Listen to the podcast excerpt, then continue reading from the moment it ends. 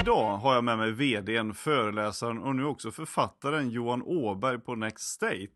Och med en grym insikt i modern försäljning och modern marknadsföring med internationella föreläsningsuppdrag och just nu då högaktuell med boken Mega Deals. Så beskriver hur det går till när bolag gör riktigt stora affärer så ska det bli jättespännande att få höra dina tankar om försäljning. Så välkommen till Säljpodden Johan! Tack så mycket, det är ju jätteroligt där. Ja, härligt att få ha dig med.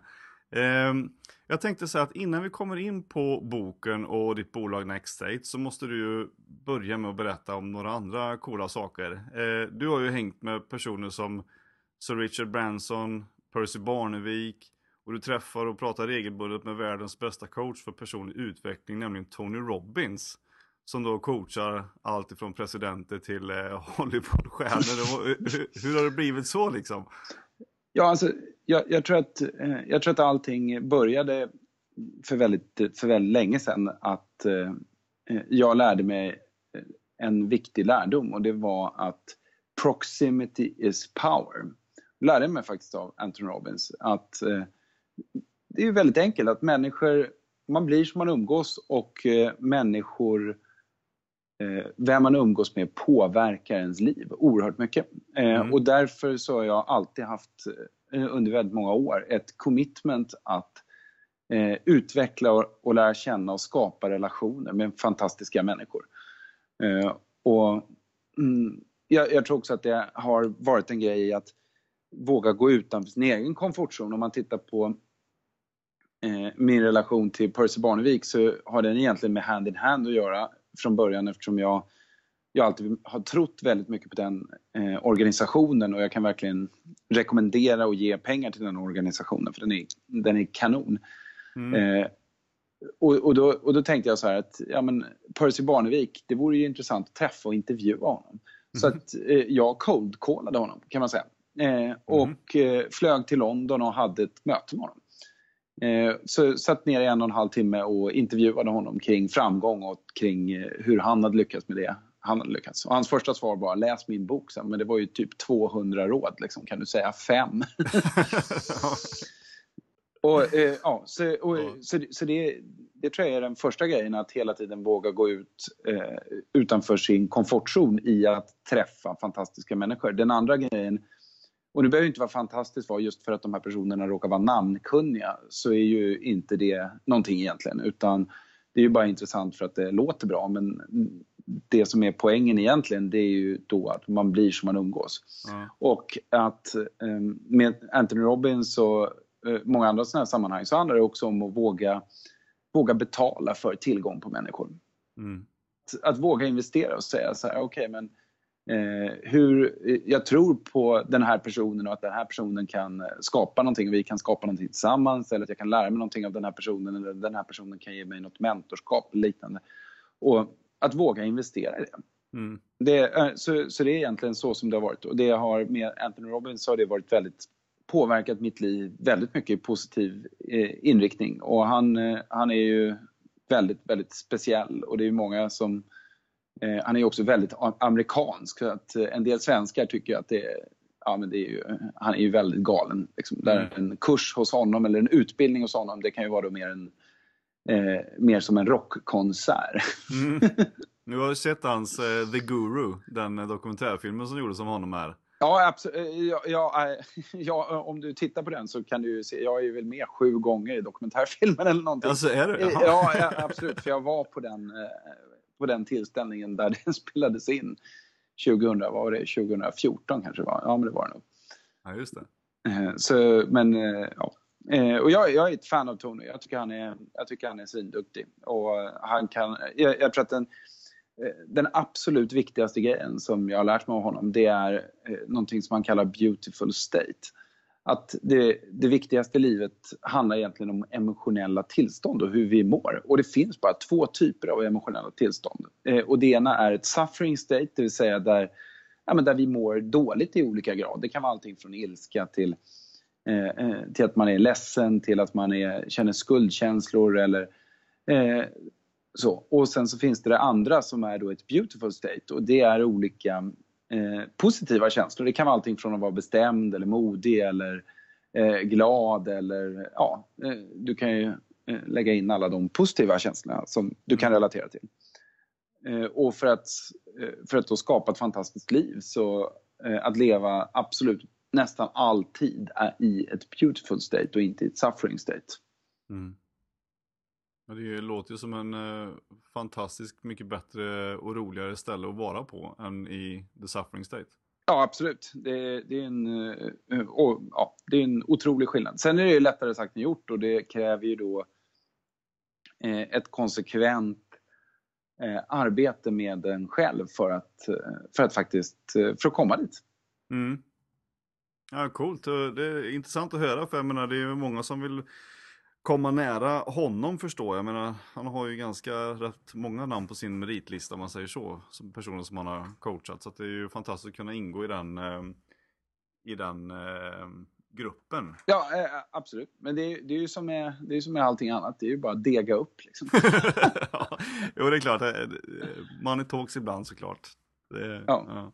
Ja, men, det... men, men, men, att våga investera i de sakerna. Jag, jag, tror väldigt mycket på att välja ut vad man investerar i och investera i det som är viktigt och som faktiskt förflyttar det resultatet som man ska förflytta. Mm. Eh, och eh, ja, det, det, har varit väldigt, väldigt värdefullt för mig och jag tror att i, i att ha pratat mycket med Tony också, att han är också en väldigt, han vill verkligen hjälpa människor. Mm.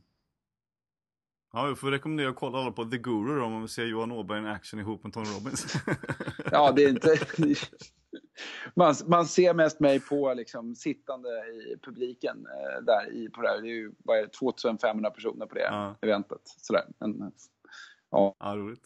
Men om, om, man, om man då uh, går bort från Tommy, Tony Robbins lite och uh, kikar in på Next State och ditt kontor här. Man, de som följer dig på LinkedIn har ju har ju sett dig in action i rätt många filmer. Ja, absolut.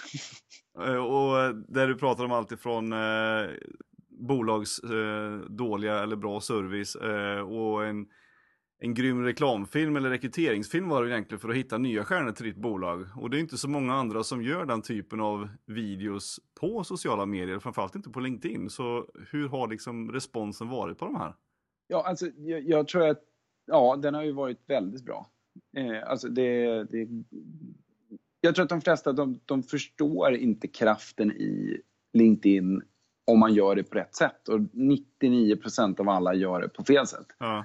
Eh, och, och det, som, det som man också inte tänker på det är det att eh, ja, bara för att det representerar en person ofta. För, för då tänker många, många bolag att så här, men vi ska lyfta bolaget. Problemet är bara det att eh, på LinkedIn och de flesta andra sociala medier så följer människor människor, inte företag. Mm. Eh, och, då, och då behöver man inte heller investera i thought leadership och i, i personliga varumärken hos människor. Eh, och eh, det vi har valt att göra i ett steg ett eh, här hos oss, det är ju då att, eh, att jag kommunicerar. och det, det har gjort att vi Ja, men alltså vi, det, det, är ju ganska intressant. Vi har ju kanske 10-15 förfrågningar i veckan som kommer genom bara min LinkedIn-profil. Och jag, jag har väl i snitt 1000 besökare i veckan på min profil eh, sådär, mm. just nu. Eh, och att det då det, det, genererar en massa positiva grejer. Allt från nya kunder till, eh, till vad heter det, medarbetare som hör av sig och vill ha eh, och jobba hos oss. Mm. Eh, och jag tror att vi, vi är också ganska eh, ärliga och tydliga och kanske ja, men, gillar man inte våra värderingar och vår värdegrund då, eh, då märker man det ganska snabbt redan innan man skickar in en ansökan och det är det som är vår eh, ambition. Att man verkligen säger, okej okay, men är det någon som är modig, kärleksfull, driven och har hälsa och energi, lekfull och busig och, och sen är en smart person. Ja men då ska de fatta att då finns vi för dem. Men någon som är en någon som kanske inte är dem, utan som är, som är en feg slöfock eller fyrkant eller tråkmåns. Ja, men vi vill ju, de vill vi ju inte ha in på vårt bolag. Mm. Sen betyder det inte så att det är en sämre person som en individ. För att det handlar ju om prioriteringar i livet och allt sånt där. Och det har inte du och jag, kan inte vi lägga någon värdering i hur, hur folk gör sina eh, sina prioriteringar eh, och, och, vad de värderar i livet. Men för att passa in på vårt bolag, då, eh, då krävs det. Och, och, genom den tydligheten så har vi också fått väldigt mycket respons. Så jag tror att ja, det, ja, det har gått, och jag kan rekommendera att gå in och titta på de där filmerna och så. Och det, det många också säger som jag tycker är roligt, det är det att ja, men vet du, om du gör film idag i sociala medier, vet, folk har ingen, de gillar inte långa filmer. Så du, det är 30 sekunder till en minut. Och jag, jag tycker det där är sånt jävla skitsnack. Ja. Så att, eh, vi har ju visat det genom att ha eh, filmer som är uppåt ja, 9-10 minuter. Me mellan 5 och 10 ja. minuter så är våra filmer. Så, och, ja, och sen så visas de eh, eh ofta, ja, men, eh, mellan 25 och 40 000 gånger i snitt. Ja. Ja, precis. Men då inser man ju att den som håller på och säger sådär kanske inte riktigt har koll på hur filmer funkar i sociala medier. Nej, och, och jag, tror att, jag tror att det handlar om hela, eftersom vi pratar om försäljning här också, att förstå, eh, ja, men som min författarkollega Kristoffer då som är försäljnings och marknadschef på ett bolag som heter Climon där de, eh, där de fick en 300 miljoners affär som startade tre månaders säljcykel som startade genom att de klickade på kundens LinkedIn-profiler. Mm. Och, och, jag tror att de flesta som, är, som, som, inte riktigt har fattat den här förändringen som sker, de blir lite så här, men skojar du? Det där stämmer ju inte, det där är ju ett skämt. Eh, men det där, det där ser vi om och om och om, om igen. Och det betyder ju då att sälj håller på att bli marknadsföring och marknadsföring håller på att bli sälj. Eftersom när det publiceras en film på LinkedIn eller det skrivs ett intressant inlägg eller en artikel eller liknande, vad det är sälj eller vad det är marknadsföring. Mm. När det kommer från mig som säljare. Då. Ja, precis. Men, men jag tänker för, har man, du har ju en ganska liksom, rak och frisk approach i din kommunikation i de här videorna. Även på LinkedIn-sidan kan man ju se att Eh, man kan åtminstone läsa att skriva att många business-to-business-företag faktiskt suger på både försäljning och marknadsföring. Men vad skulle de här bolagen liksom kunna bli bättre på? Jag tror att det jag tror att det först handlar om en grundläggande förståelse för hur man bygger ett riktigt bra business-to-business-företag. Mm. Eh, och, och, det baserar sig i Eh, vi samarbetar mycket med ett företag som heter ProSales som bland annat har någonting som heter Sales Conference men också forskar mycket på business to business försäljning. Och, mm. eh, och du känner säkert eh, till dem eh, också. Eh, och en av de grejerna som de har kommit fram till som är väldigt enkelt och samtidigt väldigt transformativt det är att försäljning inom business to business går åt två håll. Det dels automatiseras och blir väldigt transaktionellt. Genom, genom ja, men eh, helt plötsligt så handlar folk på nätet och vem, vem behöver en säljare på en resebyrå längre? Liksom? Det, det händer ju inte. Eh, och det här håller ju på att hända på fler och fler och fler eh, ställen. Mm. Så den traditionella business-to-business-försäljningen den automatiseras. Å andra sidan så blir då försäljningen mer komplex å andra sidan när det blir större affärer. Så att är man då ett stort bolag, då har man två, ofta två separata strategier. En strategi för automatiserad enklare försäljning som är då transaktionell. Eh, där människan blir, ja, men, inte kommer vara med så mycket.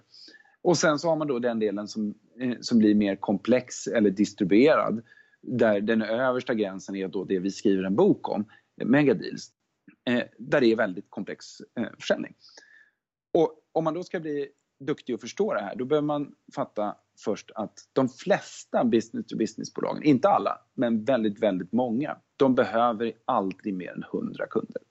Nej. Och det är ju då en jätteviktig insikt. För eh, sitter man, eh, sitter man så pratar man med en VD, en försäljningsdirektör eller liknande, så frågar jag, okay, men hur många kunder står för 80% av dina intäkter?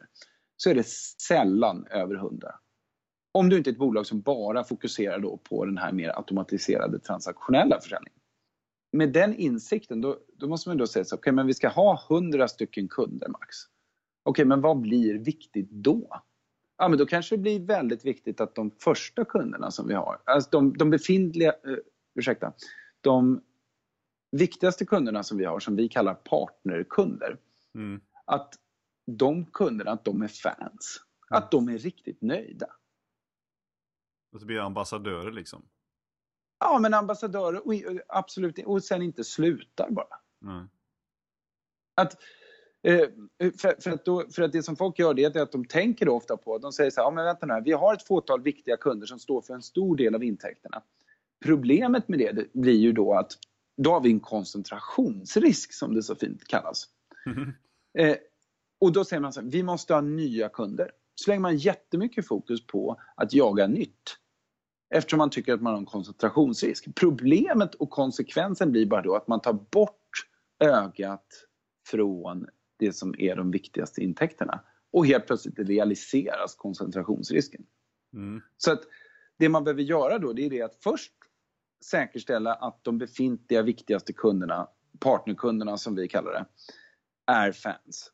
Det nästa steg är att säga så här, okay, men vilka kunder har vi som är befintliga kunder som har potential att vara en sån här partnerkund?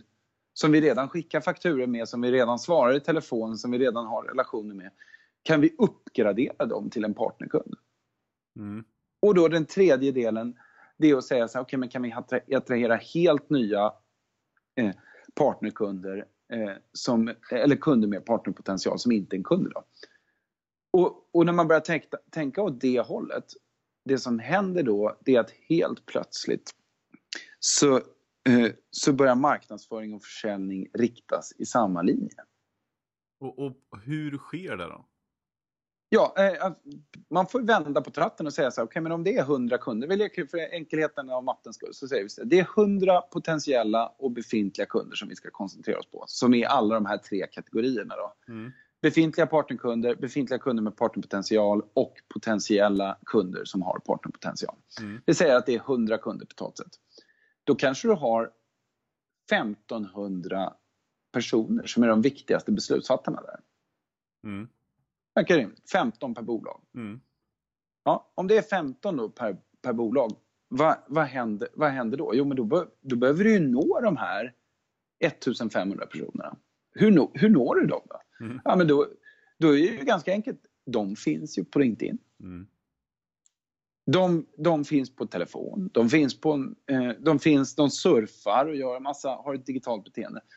Och då, och då gäller det då att skapa en Eh, en mix av aktiviteter som hela tiden adderar värde till de här. För att det som många gör det är att de ringer upp och så säger de så här, ja men nu ska, kom och, vi vill att du ska köpa våra tjänster här. Mm. Och så kränger de hela tiden. Problemet är ju det att om man bara har en klick om 1500 pers som man ska påverka, som är de viktigaste personerna som man ska påverka. Då, då kommer det ju vara så att då vill man ju inte att de ska tycka att man suger. Mm. Nej, det blir, det blir ju det blir väldigt fel. Så de flesta de, de koncentrerar sig bara på okej okay, nu ska vi ha mer leads och mer affärer och de tittar inte strategiskt på det och säger så här okej okay, men vi ska ha 100 stycken partnerkunder om 10 år. Och de här 100 kunderna de ska omsätta 30 miljoner i snitt styck mm. per år. Mm. Ut, utan de, eh, de tänker bara i leads och i försäljning och i eh, att eh, så de, som, så de tittar inte på, tittar inte på helheten. Eh, och, då, och då när man utformar då, oavsett om det är att man utformar sin produkt eller eh, tjänst eller lösning eller om man utformar eh, sin marknadsföring eller sin försäljning så handlar det då om att förstå vad är det som gör att de här personerna, om de ligger uppe och kan inte sova en fredagkväll, de ligger och tittar i taket och kan inte sova för de har ont i magen över någonting på jobbet. Eller de kommer hem och så tar de en grogg bara för att det gick åt helvete. Liksom. Varför gick det åt helvete? Och varför tar de groggen och varför kan de inte sova? Mm. Det är det försäljning, marknadsföring och erbjudandet ska handla om. Då. Eh, mm. Och istället gör folk då så att de pratar alldeles för mycket om sina produkter, om sina tjänster och sina lösningar. Istället för att förstå att kunden är intresserad av vem då? Ja, sig själv exakt. Och, sina egna problem, sina egna mål och visioner och så vidare. Verkar det, eh, är, verkar det rimligt det här eller är det komplicerat eller är det enkelt att förstå? Nej, nej, för, för mig är det absolut eh, glasklart. Eh, däremot så man, vad man funderar på då är att om man då sitter och har de här tankarna att okej, okay, vi ska ha 100 eh, i våran bas eller hela vår portfölj här egentligen. Det är 1500 mm. personer som ska marknadsföras och man inte riktigt vet vilka de här är. Hur når man dem förutom LinkedIn och hur vet man hur man ska välja rätt kommunikationsväg med rätt informationsmaterial eh, och på rätt tidpunkt till de här 1500 personerna? Som är i olika steg kanske dessutom av beslutsfattande, olika eh, långt gånget i sin, i sin tankeverksamhet om inköp och sådana saker. Ja, alltså det var en stor det... fråga kanske. Eh, ja, den för, det, var, det var inte en stor fråga, det var flera frågor. eh, alltså den, första, den första frågan var, här, om, man, om man inte vet, vart kan man nå de här förutom på LinkedIn? Var ju den första frågan som jag uppfattade. Mm. Mm. Eh, och det är där också till exempel eh, vad som kallas ABM eller Count-Based Marketing kommer in i bilden där man tittar på eh, där man tittar på kontot utifrån, en del av det är ju IP-styrd annonsering mm. där man mm, ser till att beroende på IP, det vill säga så här, men nu annonserar vi vill ha Vasakronan som kund, så här, ja, men då annonserar vi till eh, så att alla som sitter på Vasakronans IP-adress, de ser oss. Mm. Jag menar, vi, vi, har gjort, vi hade ett exempel förra året där, där vi hade en kund eh, som, som drog in en affär på 80, styva 80 miljoner eh, som, som baserades på ett DR-utskick också. Mm, ja. eh, där, vi, där vi hade ett rätt typ av... För att, eh, det är också ett vanligt misstag när folk tittar på hur de ska göra de här grejerna. Att de tänker så här, ja, men vi har vi ska jobba med account-based marketing och sen så, så, betyder det bara att man ska jobba med IP-styrd annonsering. Men det är ju inte det det handlar om. Utan account-based marketing, det är att man vänder och istället för att titta på att vi ska generera leads så tittar vi på vilka konton är det vi ska kommunicera med. Mm. Och, då, och, då, kan man ju lika gärna göra det, eh, göra det fysiskt så att du eh, ha, jobbar med DR till exempel. Som, eh, om man gör det rätt. Och då pratar vi inte om att skicka ett vykort liksom, utan man kan, eh, man kan göra massa intressanta roliga grejer som faktiskt skapar uppmärksamhet och som, folk, som adderar värde samtidigt som man skickar ut dem. Mm. Jag, jag, tror också att det handlar om att om du tittar på det beteendet som man har idag, det är ju det att eh, det finns en skillnad. Eh, varför pratar vi med varandra? Mm. Ja, det är för att jag har ju sett dig och, och någon har ju förmodligen då eh, tittat på dig innan och delat någonting som jag sen har sett. Eh, och blivit intresserad av det som ni håller på med och av dig som person. Exakt. Så, så jag tror att man, man behöver också våga säga så här, nu säger inte jag att LinkedIn är lösningen på allting, för det är det inte. Däremot så är det att, att ha en jäkligt genomtänkt content-strategi mm. eh, är ju väldigt, väldigt viktigt. För att då har man en möjlighet att, eh, att många människor att man bygger ett varumärke till de här människorna. Jag tror också jag tror att det är det som många inte fattar att i den här, i den här världen som vi lever i just nu, eh, där det fortfarande är oerhört svårt att särskilja vad är de logiska skillnaderna i värden mellan olika företag. Mm. Det vill säga det som exakt är rationellt. Det, det går knappt eftersom det är så komplext idag på många produkter. Så klart ska man köpa en mobiltelefon. Liksom. Så antingen så kostar den här iPhonen X eller så kostar den Y. Liksom. Det är inte så, eh, men när det blir mer komplext så går inte det. Och då, och då blir förtroende oerhört viktigt. Och förtroende kommer då också från perception kring hur man, hur man uppfattas.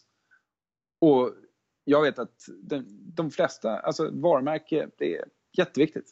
Men inte varumärke att okej, okay, nu ska vi som business-to-business-företag, nu ska vi synas eh, i, på baksidan av bussarna här. Liksom, för det funkar inte. Nej. Det är bara korkat. Men... Utan vi måste ju synas till de målgrupperna, de, som, de här 1500. Ja. Men de använder ju också nätet, de, de använder ju också sociala medier. Ja, precis. Jag tänker som, som ni som bolag, så, som Nextstate, ni har haft en otrolig utveckling här de här åren. Men, men vad är det som ni gör annorlunda mot alla andra för att hjälpa de här bolagen liksom då på riktigt? Jag skulle, säga, alltså jag skulle säga att det är väldigt enkelt. Det är, det att, det är att vi har den här grundläggande filosofin kring de här tre stegen. Med dina eh, befintliga partnerkunder, ja. dina befintliga kunder med partnerpotential och dina potentiella eh, kunder med partnerpotential. Och att vi riktar oss bara till business-to-business-företag som gör större affärer som, mm. som har ett färre antal kunder som är majoriteten av deras intäkt. Mm. Så då sen kan vi skapa recept. För att tittar man, tittar man oftast så är det så här, då har du dels har du reklambyråer inom business to business och de säger bara så här, de har ingen kompetens inom sälj överhuvudtaget. Nej. Sen, så, sen så har du alla de som håller på med inbound och marketing automation och, där. och det funkar jättebra till SMB-försäljning och till viss del ibland som en del av en kvalificeringsprocess för de som gör större affärer också. Mm. Men den här förståelsen för hur man bygger ett riktigt grymt business-to-business-företag. Den, den finns inte riktigt och därför så kan man inte heller skapa recept som stöttar det. Nej. Om man inte, om man inte fattar att, man, det är inte, det inte, att olika intäkter är olika värda. Om man tror att så här, okay, men nu ska vi bara ha leads som blir kunder som blir affärer och att det är det man ska generera eh, och inte tänker så mycket på segmentering, på eh, lifetime value och på de sakerna och, och, och hela den här partnerkundfilosofin då kommer man få svårt. Ja. Det innebär att man måste anställa annan kompetens än vad man har haft tidigare också då? Ja, men det, det beror på vem man är. Om man är en business-to-business reklambyrå så, så behöver man ju fundera på vad är det vi ska göra? Vad ska vi hjälpa våra kunder med på riktigt? Mm. Så, så jag, tror att, jag tror att det handlar om, de flesta av de här företagen som håller på med det som vi håller på med, de är ju inte jättestora. Så att jag, tror inte, jag tror att i de flesta fall så sitter det nog tyvärr inte... Det hade varit enkelt om det satt hos kompetensen hos de anställda. Det sitter nog snar, snarare hos kompetensen hos ledningen och ägarna. Mm. Det, så, så det är därför det liksom inte händer riktigt. Eftersom det är, svår, det är svårt att liksom utbilda sin personal inom områden där man inte har förståelse för det själv. Eh, och eh, och det, det har ju varit en sanning i re- reklambranschen som jag kommer från från början väldigt många år. Det är det att många säger så här, ah, men vet du vad, vi gör ingen reklam för oss själva. Det, det är inte så vår bransch funkar. Nej. Ja, men hur kan man då, hur kan man då, då, då tänker man ju helt fel bara. Ja. Du nämnde ju här förut om, eh, om stora affärer och, och du och Kristoffer Engman som du nämnde förut här från, från Climion och som jag tror de flesta känner till om man har varit på LinkedIn eh, sista åren. Eh, ni har ju tillsammans då skrivit boken Megadeals. Och vad var det som ni såg hända i de här stora affärerna som ni kände att ni ville skriva en hel bok om? Ja, alltså det vi, som du säger, jag ska säga så här att just nu så är vi ganska nästan klara. När februari är klart, då har vi deadline för att de 50 djupintervjuer som vi ska ha gjort, eh, som vi har en heltidsanställd eh, PhD, alltså en doktor, eh, inte en doktorand utan en doktor, som, som gör de här intervjuerna åt oss, Mm. kommer vara helt klara. Så att boken är ju inte lanserad än. Nej. Eh, och, och det, som, eh, det som vi har kommit fram till då, det är ett ramverk eh, som är vad vi just nu, där vi är just nu, så är det eh, sju stycken eh, hörnpelare eller cornerstones som är, som är grunden kring det här. Sen så är det som det ser ut nu så är det också beroende på vad det är typ, för typ av affär så finns det olika typer av komplexiteter. Mm. Till exempel så kan du ha finansiell komplexitet. Eh, men du kan också ha lösningskomplexitet. Du kan ha en affär, en affär som är på eh, flera miljarder men som är ganska, ganska enkel i själva lösningen. Liksom. Eh, men, men så kan du ha om du ska byta ett helt affärssystem eller om du ska göra vissa andra typer av grejer så blir själva lösningen oerhört komplex. Så det påverkar också hur, hur man måste arbeta. Och sen så har vi också eh, en tredje del eh, och det är hur ett säljteam som jobbar med det här, vad är, vad är karaktärsdragen hos dem? Mm. Så det, så det är som boken är, är, är, är uppbyggd. Och det är en, av, en av grundfaktorerna, är, om man tar, tar något exempel ur det där, det är ju det att ja, men för att du ska göra en megadeal så måste du göra, eh, ha en eh, solve a mega problem. Mm. Att du måste göra någonting som är väldigt viktigt. Så, vad, vad, hur definierar ni egentligen en megadeal? Mer än att det ska vara viktigt och stort för många? Eh, Ja, eh, det är... eh, Vi har några enkla, enkla riktlinjer och den första det är att det ska vara över, eh, över 10 miljoner dollar, eh, eller 10 miljoner euro rättare sagt, ska, eh, ska affärsstorleken vara.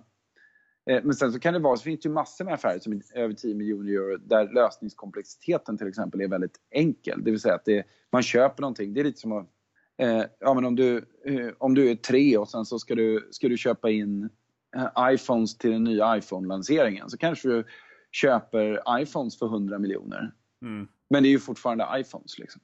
Ja. Eh, det, det är ju inte nödvändigtvis, eh, och det, det är inte så komplext bara för att det är stora belopp. Nej. behöver det inte vara. Det finns en grad av komplexitet i och också att det krävs att det är en typ av förändring som det köpande bolaget behöver göra. Mm. Det, det, är grund, det är grundkriterierna som vi ser sen så, sen, så, sen så skiljer det också. Sen ska man säga att om man går upp till... Vi började, vi ville sätta någon ekonomisk gräns på det hela. Eh, och då satte vi den eh, 10 miljoner euro-gränsen. Sen ska man säga att det blir en skillnad då när det blir... Eh, för en av de som har gjort de största affärerna det är 12 miljarder dollar. Mm. Är, en av de absolut största eh, affärerna som har varit Och, och då, blir, då kommer man ju upp till, då är det någonting annat. Liksom. Då blir det ytterligare en nivå av saker och ting. För då helt plötsligt så kan det vara så att, att länder behöver gå in och garantera det finansiella upplägget gentemot varandra. Just det. Eller som att sälja och, JAS-Gripen som är motköp och sådana saker. Ex, exakt. Mm. Det, så, så, att när det kommer upp till den, den nivån så blir det ytterligare, ytterligare en dimension. Då. Mm. Eh, och, och, jag kan rekommendera, det finns för alla de som jobbar med försäljning så kan ni gå in på nextstate.se insights. Så, så finns det mycket, eh, mycket information där kring, kring våra tankar, idéer och artiklar och så vidare. Mm. Som inte, ja, för att vinna större affärer smartare, som är då konceptet som, som Next State har. Och det, det som är skillnaden kan vara värt att säga då, det är det att boken handlar ju bara om de här största affärerna. Mm. Och, och, vi, som, vi som bolag, vi koncentrerar oss på en förflyttning av de här tre, den här partnerkundfilosofin med de här eh, tre stegen och då, som vi säger, att vinna större affärer smartare. Eh, och det är ju då partnerkundfilosofin. Just det. Men, men alltså, vilka typer av bolag är det som kan göra en megadeal Det är alltså, det är, eller, så här, Ja, det är ju väldigt många olika typer av bolag. Mm. Eh, det, eh, ta, jag, jag, tycker att det, det bolag som eh, Climon då, som Kristoffer är på, det tycker jag är ett alldeles utmärkt exempel på eh, där man går in och så börjar man den första stora orden man har på 30 miljoner euro. Mm. Det, det, handlar ju då om att i grunden säga så här, okej okay, men vad, vad är det för problem som vi ska lösa till vilken kund? Mm. Och vilket initiativ är det som de redan har igång som vi kan jacka in i? Men, men hur byggs en megadeal upp då? Eh, från, eh, kan, du, kan du förtydliga lite frågan som du, vad, vad, hur tänker du? Ja, men jag tänker så att om man då har definierat att man kan lösa ett problem för väldigt många genom att eh, approchera ett bolag då, men hur, hur bygger man upp hela sin process för att man ska lyckas och göra en megadeal? Ja, alltså det beror ju lite på vart man startar någonstans. mm. alltså, ja, det kanske är för komplex fråga, jag vet inte, men eh, det kanske inte finns ett tydligt svar heller. Alltså så här, det beror ju på i vilken del av processen. Ja. Du, först så måste du ha någonstans ett erbjudande som kan eh, som har potential. Mm. Du måste ju kunna sälja, om vi, om vi definierar enkelt så då plus 10 miljoner Eh, euro så måste du ha någonting som du kan sälja som är för 10 miljoner euro. Ja. Så då får du ju antingen sälja en grej som är jävligt viktig eller så får du skala det så säljer du många grejer. Ja. I, I bulk liksom. Eh, den första grejen är ju någonstans att ha ett, eh, ha ett problem som man löser åt någon. Så, som är viktigt, som är värt så mycket pengar. Ja. Och sen så när du har det så behöver du titta på vilka, vad är målgruppen för det? För då kommer du tillbaka till den här listan och istället för att då säga eh, säga så här, det här är ett lead, så säger man så här, det här är de här bolagen eller kan ju vara stat och kommun eller massa olika typer av delar där det inte bara är näringslivet som köper. Det här är de som vi kan sälja till. Ja. Det blir nästa steg. Eh, och sen så, sen så händer det ju en grej då eh, när, du, när du jobbar med olika, olika typer av kanaler för att komma, för att komma in. Sen kommer du komma till ett läge där där liksom det verkligen blir vad vi kallar då ett säljprojekt. Där, där nu blir det skarpt läge. Eh, och nu är de intresserade, nu, nu kommer vi behöva bygga upp den här affären. Och då börjar en ny fas, för då kommer man behöva, i de flesta riktiga megadeals så behöver man, investera, behöver man ha en investeringsbudget för att vinna affären. Mm. Eh, och det kan vara allting från interna resurser till, eh, till att man behöver göra rena, rena investeringar för att ha en möjlighet. Eh, och där där det kostar väldigt mycket pengar ofta att komma till ett läge eh, att man har vunnit affären och därför så blir det ju viktigt då att man går på rätt affär. Mm. Och det är då det kommer in det där hur du börjar pinpointa vissa personer på de här bolagen för att delge information och content för att leda dem till att vilja göra affären. Absolut, det är, det är ju konstant. Men sen Mm. så är ju absolut den content-delen är ju en viktig, eh, viktig del att få rätt innehåll framför rätt personer. Och det finns ju en mängd olika delar i, i en sån strategi. Allting ifrån bara så enkelt som att gå in och klicka på deras LinkedIn-profiler. Något som kallas B-swarming. Mm. det. Men sen så, sen så tror jag att det är naivt att tro att, eh, att för att göra det så är det bara någonting som händer på internet. Utan det händer ju, det är ju lika mycket, alltså den majoriteten av det ligger ju väldigt många mantimmar i möten, i Mm. eh, en mängd olika arbeten som inte sker på nätet överhuvudtaget. Men, men det, som, det som jag tror är den förändringen som har skett de senaste året det är att eh, digitala kanaler är en viktig del av hela processen. Mm. Medan tidigare så var det inte det. Ja, precis. Eh, Och jag tänker så att ibland så måste det väl kunna vara tvärtom också. Att det, visst att man vill gärna eh, sälja någonting eh, till ett bolag, men det kan ju lika gärna vara att vi är ett stort bolag och vi vill köpa er för en stor peng. Absolut. De har ju vänt på det. Kan man fortfarande kalla det för megadeal då? Absolut. Och vi, vi har ett personer som... Eh, eh, alltså en exit är ju per definition, om det är en stor exit så kan ju det verkligen vara en megadeal. Mm. Och, Absolut. då, och då, bygg, då, byggs, eh, då kanske den byggs upp på ett annorlunda sätt då när man approcherar någon som man vill köpa än att man approcherar någon som man vill sälja till. Ja, jag, jag, skulle, jag skulle säga så här att boken, eh, boken i det här fallet, vi, vi har några personer som vi har intervjuat i boken som är, eh, det är M&A eh, liksom, eh, ja, men det har varit, eh, varit del av M&A, sto, stora köp och försäljningar av, av bolag i det. Bo, fokuset för boken, det är inte det. Nej. Utan fokuset för boken det är hur gör man större affärer? Ja. Det är det som är hela, hela grejen som är grejen. ja, just det. Och när kommer den ut då? Ja, boken kommer ut, vi, vi har ju någonstans, det är ju roligt det här med, med att skriva böcker och det, eh, den, den kommer komma ut innan sommaren. Och det var, det var intressant när vi startade det här projektet. För att då, då när vi startade sa vi så här, då gick vi ut med en, ny, eh, gick vi ut med en hemsida och vi gick ut med, gjorde någon film och eh, sådär. Och, och sen så helt plötsligt så visste ju alla att det här skulle hända. Eh, och, då, och då sen så, så kom vi till, och det här var ju för vid årsskiftet, så kom vi till, så kom vi till sommaren och sa, fan nu har vi inte kommit så långt än. Helvete. Men då hade, vi ju gått, då hade vi ju gått ut och sagt det här till många så då fanns det ju liksom ingen återvändo. Det gick ju inte att gå och säga så här, nej det blev inget, ty- tyvärr. Eh, så att då, så att då, är då anställde vi ju då eh, Tonja som är ansvarig för all forskning, för det är en väldigt forskningsbaserad boken. Då. Eh, och, eh, sen så har hon sen i oktober jobbat heltid med de här intervjuerna. Eh, och jag, jag skulle säga att vi har haft en, vi har haft en mer... Den ska, den ska vara, garanterat vara ute innan eh, vid sommaren. Det är det som är, that's the plan. Ja. Ja, vad härligt. Så, så det ska bli jätte, jätteroligt. Och det har varit en väldigt... Eh, eh, har varit en process där. Ja, vad roligt. Det är alltid kul när det börjar närma sig eh, om man får ett datum. Det blir alltid liksom en, eh, spännande. Jag har ju själv skrivit två böcker och det är alltid roligt när man vet ett spe specifikt datum när det kommer ut. Ja. Eh, det blir som en liten julafton. Ja, det, men det är bra att du säger det. Vi ska nog, vi, vi ska, vi ska nog göra så att vi sätter så här, det här, precis det här datumet.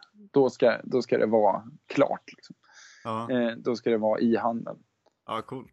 Eh, det, Jag tänkte bara kolla lite grann. Du, nämnde den här eh, på din hemsida eller på Nextate eh, med insights. Jag ska lägga en länk till detta under avsnittet sen också på säljpodden.se. Men för då listar ni ju åtta egenskaper som säljare behöver ha för att kunna göra stora affärer. Jag tänkte vi kanske kunde prata bara lite om dem och vad som krävs av säljare också för att tänka lite större. Mm, absolut. Ehm, och den första var att de bygger upp, jag, jag, tar, jag har översatt dem fritt nu från, från engelska då, men Mm. att de bygger djupa affärskunskaper. Ja, det, det är ju så här att i den här, om vi tittar på de som inte är den här transaktionella försäljningen som håller på att automatiseras då. Då vi tittar på mer komplex, eh, större, med större affärer, då kommer det vara så att man måste verkligen förstå vad är det för problem man hjälper kunden med på riktigt. Mm. Och man behöver mer vara en managementkonsult än en säljare. Så, vi, så möjligen är det så att, att försäljning eller säljare kommer att behöva tänka mycket mer åt de här hållen och riktningarna för att kunna hjälpa de här bolagen i större affärssammanhang? Absolut, ja, det är avgörande att förstå kundens... Alltså, vad, om man ska kunna ge kunden trovärdiga, bra råd, mm. då behöver man förstå vad är kundens riktiga problem. Mm. Alltså vad, vad är... Och de, och de flesta personerna, de är oerhört dåliga på att pinpointa och förstå vad är den detaljerade från A till B-förändringen som personen eh, eller företag, som företaget behöver göra. Mm. Att man verkligen förstår vad är det riktiga problemet. För de flesta då definierar problemet som så här, ja, men jag ska, eh, vi behöver öka försäljningen eller vi behöver, jag ska gå ner i vikt. Eh, eller eh, de, de hittar inte det, det problemet som är det underliggande, det som man kan påverka och det är det som kommer att förflytta kunden från A till B. Och när man lyckas då hitta det problemet och är skicklig på att hitta det problemet samtidigt som man kan koppla ihop det med vad man säljer. Mm. Det är då det blir väldigt bra. Och det kanske leder in på, på punkt två också, som var att de är mästare på kommunikation. Ja, absolut. Och och det där har ju att göra med hela, i takt med att de här, allt från matrisorganisationer och hur beslutsfattande ser ut, eh, så så blir det fler människor som man behöver påverka. Det är väldigt sällan man säljer bara till en person och det är den personen som fattar beslut. Och då behöver man både kunna connecta med olika typer av personer, med olika personlighetstyper. Man behöver kunna kommunicera i grupp på ett övertygande sätt. Man behöver kunna stå framför en kamera och kommunicera genom film och man behöver kunna eh, kommunicera i skrift också.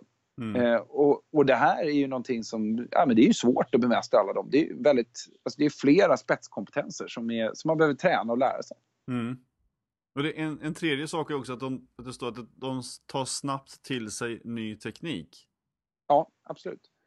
Och, och det är ju så att vi, vi vet ju att det, det, enda som, det enda som är konstant det är ju att det är förändring. Eh, och att eh, om man tittar på hur, hur många pratade eh, om account-based marketing eller LinkedIn eller social selling eller för fyra år sedan. Eh, mycket lättare och, nu såklart. Och det, och det är då när man, när man då måste eh, helt, helt, plötsligt så har du ett CRM, du kanske har ett eh, ABM-verktyg som är kopplat till det, du har ett eh, marketing automation-verktyg och du har, alltså du har en mängd olika grejer där där du, man måste helt enkelt bara hela tiden behärska nya, eh, nya innovationer som kommer och det kommer fortsätta komma innovationer. Mm.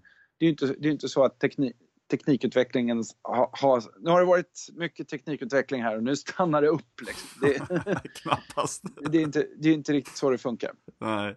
Det är intressant att ni skriver det för att eh, förra avsnittet här så pratade man med, med ehm, Joakim Hellström från eh, Closers. Ja. Och eh, då nämnde han just det, vad som är en av de viktigaste egenskaperna som väldigt många bolag letar efter. Det är att dels ha eh, intresse av nykundsbearbetning och att de kan nya tekniska plattformar. Mm. Det är de viktigaste egenskaperna som arbetsgivarna letar efter. Mm. Så att eh, det är spot on. Ja, Ja, men jo, eh, och Joakim är duktig. Eh, han är, jag, jag tycker han är, eh, han är bra och de har ju varit duktiga själva också på något plan att använda teknologi i sin nykunds, nykundsbearbetning. Mm. Sådär. Jag tänker att eh, vi låter lyssnarna gå in på hemsidan och eh, ta de fem andra så att de vet vad de ska bli bättre på för att kunna göra större affärer sen. Så behöver vi inte avslöja Ja, absolut. Ja men du Johan, tack så jättemycket för att du tog dig tid att vara med i Säljpodden och berätta om dels om eh, dina tankar om försäljning och framförallt om, om megadeals. Ja. Och hur ni jobbar med era kunder på Nextdate. Det var jätteintressant att höra. Tack så jättemycket. Tack så mycket. Ha en fortsatt bra dag. Och jag kan uppmana alla eh, lyssnare att se till att verkligen ja, tänka till på det här, vilka kunder det är som man, som man väljer att jobba med. Alltså mm. det är så oerhört viktigt. De flesta de tänker inte på det utan de tänker att en kund är en kund. Mm. Vad härligt. Grymt. Bra slutord. Tack så jättemycket. Tack för idag. Tack. Ja, ha det bra.